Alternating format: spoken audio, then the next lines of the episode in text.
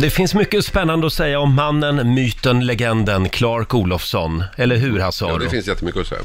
Smartare än Clark kallar vi listan alltså. Kallar vi listan, ja, Ja. precis.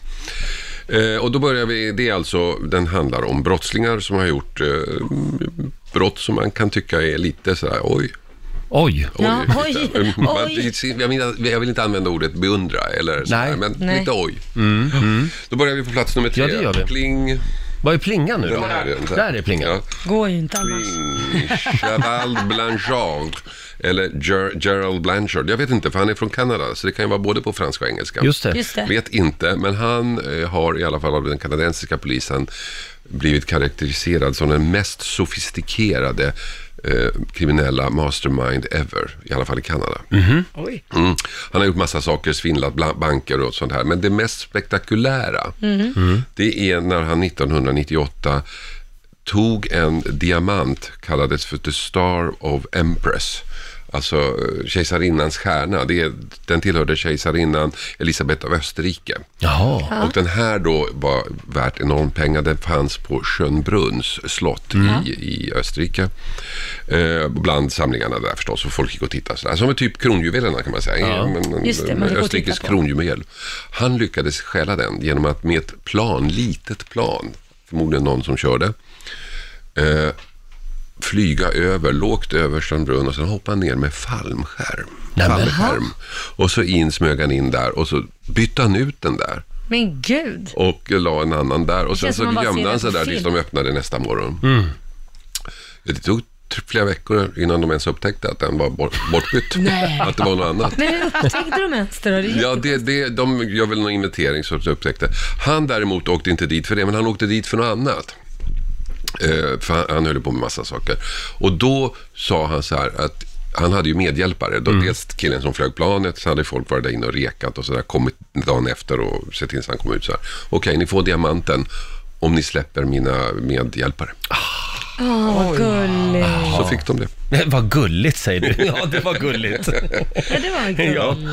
Det var Jaha, nummer tre. men intressant, jag har ju varit i Schönbjör- Schönbrunn. Ja, Och, och nu kommer jag inte ihåg riktigt om jag såg just den. Nej. För den är tillbaka där nu, den där. Ja, den ska vara tillbaka där Ja, Mm. nu. Alltså, har man sett en har man ju sett alla. Ja, Eller så hur? är det ju. Visst är det så med sådana här diamanter. Ja. Men det var ju väldigt kreativt att hoppa med fallskärm. Precis. Det låter bara som komma en på James ett- Bond-film. Ja, Ja. nu fick jag en idé. Ja. Okej. Eh, vi, vi går vidare. Vi går det. Plats nummer två, Anthony Curcio. Numera jobbar han som sån här föreläsare. Mhm. Men 2008 så skulle han slå till mot eh, en bank, Bank of America, deras kontor i New York. Mm. Och då gör han så här att han satte ut en annons där han låtsades vara ett företag och sökte byggjobbare. Mm. Och folk som ville ha det här, det var ett stort bygguppdrag, han sökte massor med folk. Eh, De som var intresserade skulle samlas på en plats, iklädda sina byggkläder. Och platsen råkade vara utanför det här bankkontoret Jaha. som han då några minuter innan rånar iklädd byggkläder. Och så när han kommer ut så försvinner han. Smart. Det är liksom 250 människor som Det är står alla smart. i byggkläder. Nej. Jo, Det är ju sant. Roligt. fan genialt Visst är ju. det Ja. genialt? Ja. Lite otur, en kille, en uteliggare som låg utanför där, såg ju allting så han åkte ju dit ändå. Men ändå, alltså, Jaha, ja, ja. nu jobbar han alltså som föreläsare. Och då har vi på första plats ja. Den här är så bra.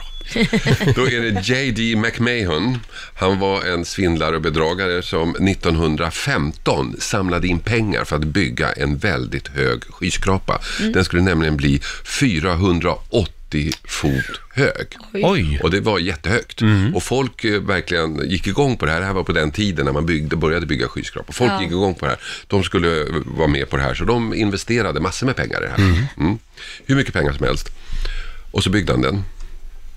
Fast vad han inte hade varit riktigt tydlig med, att i alla papper som folk skrev på, så stod det inte 450 fot, utan, eller 480 fot, utan det stod 480 tum.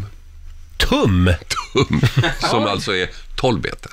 Men hur kan, man, hur kan alla ha missat detta? Ja, för hade, ingen hade sett, de var så exalterade så, här, Ja. och han, så, här, så de skrev under. Och han kom undan.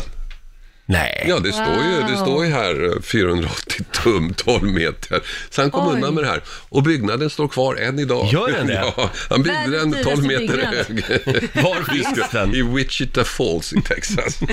En skyskrapa på 12 meter. Inte riktigt, inte riktigt lika imponerande. Jag tyckte det var jättekul.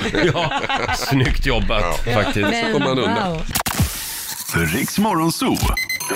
Vi underhåller Sverige.